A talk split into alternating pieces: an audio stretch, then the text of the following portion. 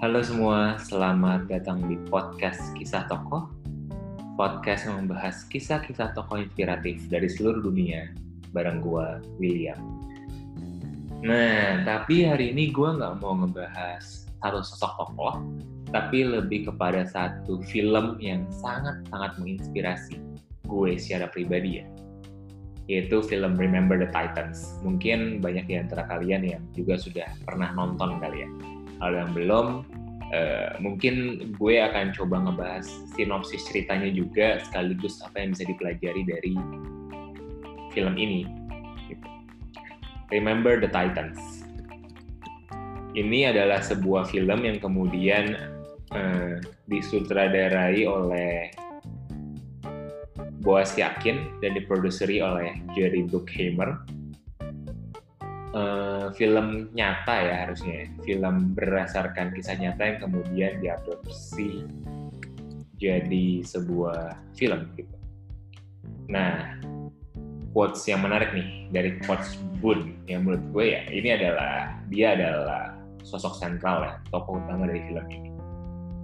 Menang atau kalah, kita harus berjalan keluar dari stadium malam ini dengan kepala tegak.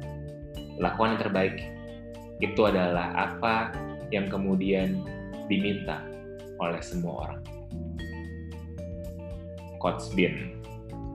Nah, siapa sih Coach Bean ini? Yuk, sama-sama kita coba uh, bahas dan kulik bareng ya. Jadi Remember Titans ini adalah sebuah film tentang olahraga ya, yaitu American football olahraga yang sangat digemari oleh penduduk Amerika dan punya pesan moral yang sangat luar biasa ngomongin soal toleransi ngomongin soal bagaimana cara yang mengatasi diskriminasi ngomongin soal persatuan ngomongin soal uh, persahabatan gitu. Ceritanya berlatar belakang di Virginia tahun 1970-an di mana pada saat itu masalah rasial merupakan masalah utama di Amerika. Mungkin kalau diingat lagi di era 60 sampai 90-an akhir rasisme di Amerika itu sudah sampai pada taraf yang parah banget. Uh, bukan lagi cuma jadi suatu hal yang kemudian uh, disimpan di alam bawah sadar ya, unconscious, tapi benar-benar tercermin dalam perilaku keseharian. Benar-benar tercermin dalam kesadaran dari semua individu gitu memang ada jurang kesenjangan antara utamanya kulit hitam dan kulit putih. Nah, Remember the Titan sangat menggambarkan konsep atau uh, konstruk berpikir ini. Kulit putih dan kulit hitam itu punya ruang gerak publiknya sendiri-sendiri.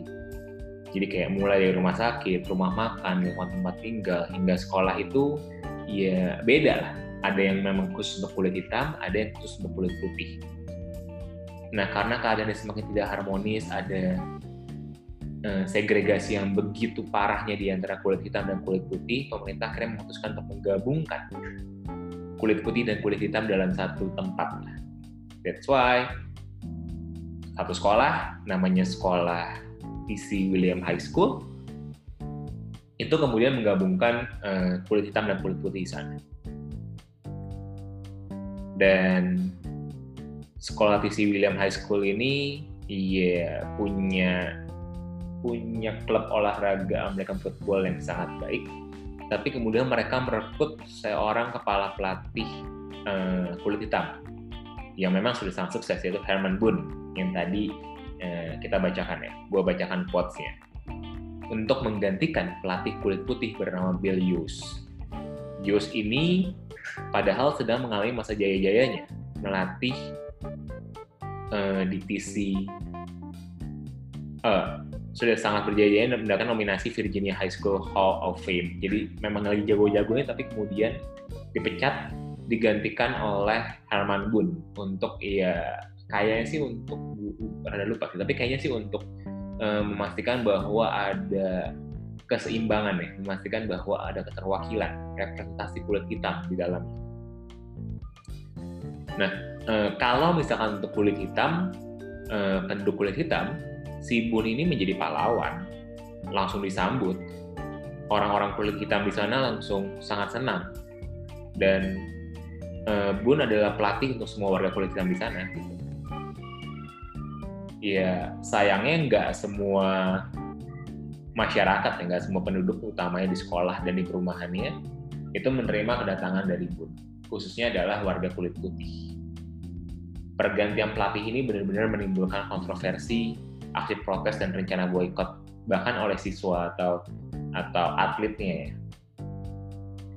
Nah, untuk sebenarnya untuk meredakan juga sebagai bentuk penghormatan, Bun ini tuh menawarkan kepada Yus untuk menjadi asisten pelatih. Tapi ya, gengsi dong ya. Yus menolak tawaran ini dan berencana mengundurkan diri lalu memilih untuk melatih klub lain. Tapi karena semua anggota tim yang memang adalah kulit putih dulunya, jadi tidak ada kulit hitam sebelumnya, itu mengancam untuk mundur dari musim kompetisi jika Yus tidak ikut serta dalam pelatihan. Yus akhirnya memilih untuk menerima tawaran dari Bun. Tapi masih ada konflik di dalam Ini benar-benar bukan suatu hal yang mudah untuk Bun pada awalnya. Dia banyak sekali melakukan ejekan, gangguan dari orang-orang di sekitarnya. Bahkan uh, anaknya Bun, anaknya Yus, putrinya Yus, itu masih kecil, usianya masih di bawah 10 tahun, itu juga uh, memperlakukan Bun dengan sangat tidak sopan. Jadi memang mungkin ekstrimnya tidak diperlakukan seperti manusia ya, tidak di memanu, tidak memanusiakan manusia gitu. Dan hingga ketika Bun masuk, kemudian uh, harmonisasi itu coba untuk dibangun, uh, ada kemudian menggabungkan antara kulit hitam dan kulit putih, barulah pemain-pemain uh, atau atlet American football kulit putih kemudian eh, kulit hitam kemudian bergabung dengan kulit putih di uh, tim tim American football ini gitu. Nah cuman ya tentu saja di awal keadaannya sangat parah. Tidak ada warga kulit putih yang menerima warga kulit hitam, tidak ada pemain yang kulit putih juga menerima pemain kulit hitam, mana tidak terima kalau misalkan posisinya akan tergantikan. Pelatih juga sama tentu saja. Eh, Bun sama Yos ya sama-sama punya konflik sendiri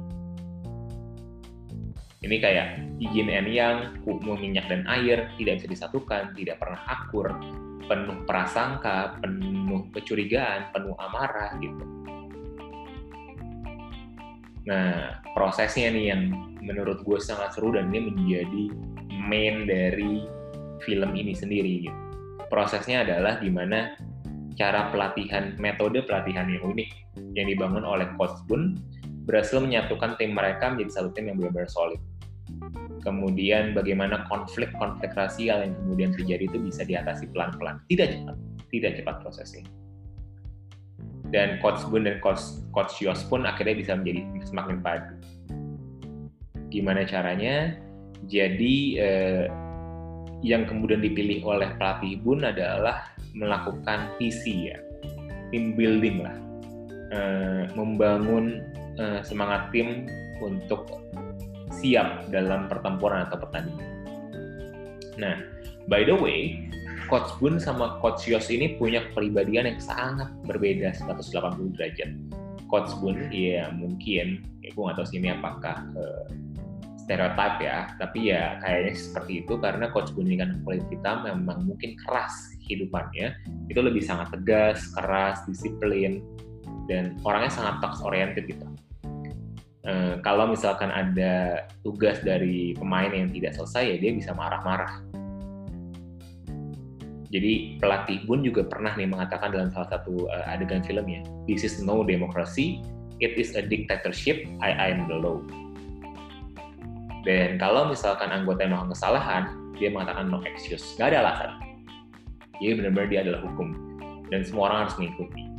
Beda dengan pelatih Yus, dia cenderung lebih sabar, lebih lembut, lebih people oriented, kepemimpinannya itu lebih coba menyelaraskan antara sisi Bun yang memang sangat keras kepala dengan dirinya yang lebih lunak, lebih lembut, lebih bisa untuk berempati, lebih punya kesabaran dalam dia hubungan dengan pemain. Jadi ini sebenarnya dua perpaduan yang sangat menarik. Ya. Nah, ketika tim building ini dilakukan selama dua minggu, sejak awal keberangkatan, Coach Bun ini sudah melakukan inovasi kepemimpinan. Jadi um, dalam bus aja, dalam bus yang menuju ke tempat isinya, anggota tim itu harus memiliki pasangan duduk dari rekan dengan kulit berbeda. Jadi uh, kulit putih dan kulit hitam di satu tempat, di tempat duduk yang uh, berpasangan itu. Dan di camp pelatihan, tidur pun juga begitu. Kulit hitam dan kulit putih disatukan dalam satu kamar. Ya pastinya di awal-awal perkelahian tersiswa antara pemain itu terjadi. Sentimen ras itu juga sekerap terjadi. Tapi kemudian Bun, pinternya Coach Bun ini adalah kemudian memberikan tugas masing-masing pasangan kamar yang sebenarnya saling benci untuk kenal satu sama lain. Harus kenal. Jika tidak, kalau mereka nggak sama-sama kenal, maka porsi latihannya yang diberikan itu akan gila-gilaan. Jadi kayak ada punishment yang kemudian diberikan. Kalau misalnya punishment ini mau hilang, maka mereka harus saling mengenal satu sama lain. Nah, pelan-pelan terjadi nih. Kemudian ya mereka saling mengenal, berusaha untuk akhirnya ngobrol pelan-pelan, berusaha untuk akhirnya memahami gitu. Dan satu perubahan yang paling vital itu terjadi ketika Coach Boone mengajak para anggota tim untuk lari ke daerah pemakaman tempat terjadi pertempuran Gettysburg. Ini pertempuran antara warga kulit hitam dan kulit putih ya, kayak perang saudara sama orang Amerika yang melewaskan 50 ribu jiwa.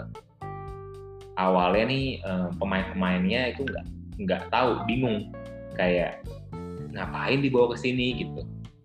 Eh, saling bertanya satu sama lain gitu, tapi kemudian dijelaskan oleh Coach Boone itu adalah pertempuran paling berdarah dalam sejarah perang sipil Amerika Serikat.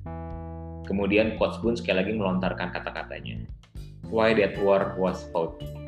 Kenapa perang itu terjadi gitu? And then the same fight we are still having today. Dan perang itu terjadi sampai hari ini seperti pertengkaran terjadi antara kalian. Pertumpahan darah yang dipicu oleh kedengkian akibat perbedaan warna kulit. Jadi ada kebencian rasial yang sungguh-sungguh terjadi kala itu. Nah, Coach Boone kemudian mengatakan bahwa kita, Titans, ini kayak julukannya, sedang berada dalam kondisi yang sama dengan mereka yang pernah terjadi di masa lampau. Saling menyakiti, saling benci, saling punya prasangka, saling menghancurkan, saling mendiskriminasi, saling menghina, saling mengejek. Nah, akhirnya mulai tuh mereka kayak punya awareness baru, kayak punya pola pikir baru bahwa harusnya ini tidak terjadi. Nah, dua minggu inilah adalah proses pembentukan karakter, proses penyamaan pikiran, proses membangun jembatan kalau menurut gue. Sehingga akhirnya terjadi dialog, terjadi komunikasi, terjadi diskusi, terjadi saling pengertian satu dengan lainnya. Mereka pulang sebagai satu unit, satu tim, sebagai sahabat, dan saling menyokong gitu ya dari yang awalnya saling berseteru. Tapi masalah tidak selesai sampai di situ. Karena kan yang baru solid ini adalah timnya, tapi warga masyarakatnya masih punya sentimen negatif. Utamanya nih, ini jadi ada ada dua karakter yang juga hmm, cukup punya porsi dalam film ini selain Coach Boone dan Coach Josh, yaitu Gary Bertier dan Julius Campbell. Gary Bertier ini adalah kayak American pemain American football yang kulit putihnya, Julius Campbell ini uh, yang kulit hitamnya gitu. Kemudian ya mereka menjadi saudara, layaknya saudara, tapi ya ketika di dunia nyata ibunya Gertier, ibunya Gertier, Gary Gertier ini itu um, ngelarang anaknya untuk berteman dengan Julius Campbell. Dan bahkan ya ya hampir semuanya lah Bun menghadapi masalah lain ketika para orang tua para pemain dan masyarakat kota juga masih membawa sentimen ras ini dalam melihat kinerja Bun sebagai pelatih. Intimidasi verbal, non-verbal, itu kena semua tuh untuk Coach Bun. Bahkan Coach Bun pun juga pernah dilempar oleh orang yang uh, lempar batu lah jadi dikenal rumahnya. Coach Bun pun yang segitu keras kepala dan tegasnya juga sempat goyah pendiriannya. Hingga akhirnya ya sadar kalau misalkan dia nggak boleh menyerah. Harus melawan semua intimidasi itu dengan prestasi. Jadi lawan dengan prestasi Nah, kecintaan mereka terhadap American football dan kenangan indah yang kemudian mereka jalani selama masa camp pelatihan membuat mereka tetap bersatu selama musim kompetisi. Dan in the end, long story short, prestasi, kebersamaan, kekuatan, kebersatuan itu yang kemudian pada akhirnya mengangkat prestasi Titans hingga ke final kejuaraan American football tingkat negara bagian. Nah, pada titik itulah baru pandangan masyarakat akan Coach Boone berubah Coach Boone mulai diapresiasi oleh masyarakat. Terlihat misalkan ketika ada adegan seorang polisi kulit putih memuji Coach Boone, lalu ada adegan lagi ketika Coach Boone baru pulang ke rumah setelah memenangkan pertandingan semifinal kejuaraan wilayah, disambut dengan meriah oleh masyarakat. kondisi ini menunjukkan bagaimana rasisme telah mencair tingkatan kota. Jadi bagaimana olahraga kemudian benar-benar bisa menyatukan, bukan malah um, menimbulkan konflik baru ya, tapi benar-benar menyatukan, benar-benar membuat mereka solid. Ada sense of belonging yang sama untuk mencapai prestasi yang diharapkan untuk semua. Di, di tangan duo pelatih utama, Coach Boone Coach Yots, The Titans, tim football TC William mampu menorehkan prestasi football yang sangat luar biasa di level nasional, sehingga menjadi kebanggaan daerah Virginia. Dan mereka membuktikan perbedaan warna kulit itu tidak mempengaruhi kerjasama dan kemampuan mereka. Dan bahkan Coach Boone dan Coach Yos ini tetap bersahabat dekat sampai tua. Apa yang dipetik dari pembelajaran Remember the Titans menurut gue adalah mereka tuh mencapai tujuan bukan hanya sekedar mengajari pemainnya untuk bermain rugby atau American football, tapi mereka mengajari tiap pemainnya untuk menghargai satu sama lain, menerima kelebihan dan kekurangan orang lain, dan memberi, e, meminta mereka untuk memberikan seluruh jiwa mereka untuk memberikan permainan terbaik. Do your best. Melatih kedisiplinan, mengenal arti kekeluargaan, sehingga Titans ini bukan hanya dapat memenangi pertandingan, tapi juga kemudian memenangi hati seluruh masyarakat Virginia. Jadi keren banget ini film. Kayak iya bagi gue ya satu-satunya cara untuk lu pada akhirnya bisa untuk lebih toleran dengan orang lain, lebih inklusi dengan orang lain adalah dengan bertemu, berdiskusi dan dengan berdialog. Dengan sekali lagi membangun jembatan dan coach yang baik, coach yang memang hebat adalah coach yang tidak hanya melatih skill atau keterampilan dari pemainnya, tapi juga melatih nilai-nilai dan value inti kepada pemainnya. Ini seperti ya mungkin hmm, memang banyak kemudian dilakukan oleh uh, coach-coach yang kemudian bersinar ya. Jadi sangat menarik uh, film ini mengajarkan sangat banyak hal, mengajarkan persahabatan kekeluargaan, bagaimana kemudian mengatasi konflik dan lain sebagainya. Di akhir cerita, memang ini cukup mengenaskan, cukup menyedihkan sebenarnya karena uh, Bertier ini mengalami kecelakaan sampai menjadi lumpuh dan di akhir cerita masing-masing tokoh pemain Titans berkumpul kembali saat pemakaman Bertier. Jadi Bertier akan meninggal dunia. Dan mereka tetap menjadi satu tim, tetap menjadi satu keluarga gitu. Semoga apa yang kemudian menjadi kisah hari ini, kisah inspiratif hari ini bisa juga menjadi poin penting nih untuk teman-teman semua, untuk kita semua belajar untuk lebih toleran bahwa kita semua sama, yang pada akhirnya kita diarahkan pada sama-sama tujuan kita apa, visi kita apa untuk berjuang bareng, tanpa peduli lagi warna kulit, tanpa peduli lagi ras, tanpa peduli lagi agama, tanpa peduli lagi etnis, karena kita adalah manusia selain kita juga memanusiakan manusia lainnya. Kalau gitu, uh, gue William, see you in the next episode. Goodbye.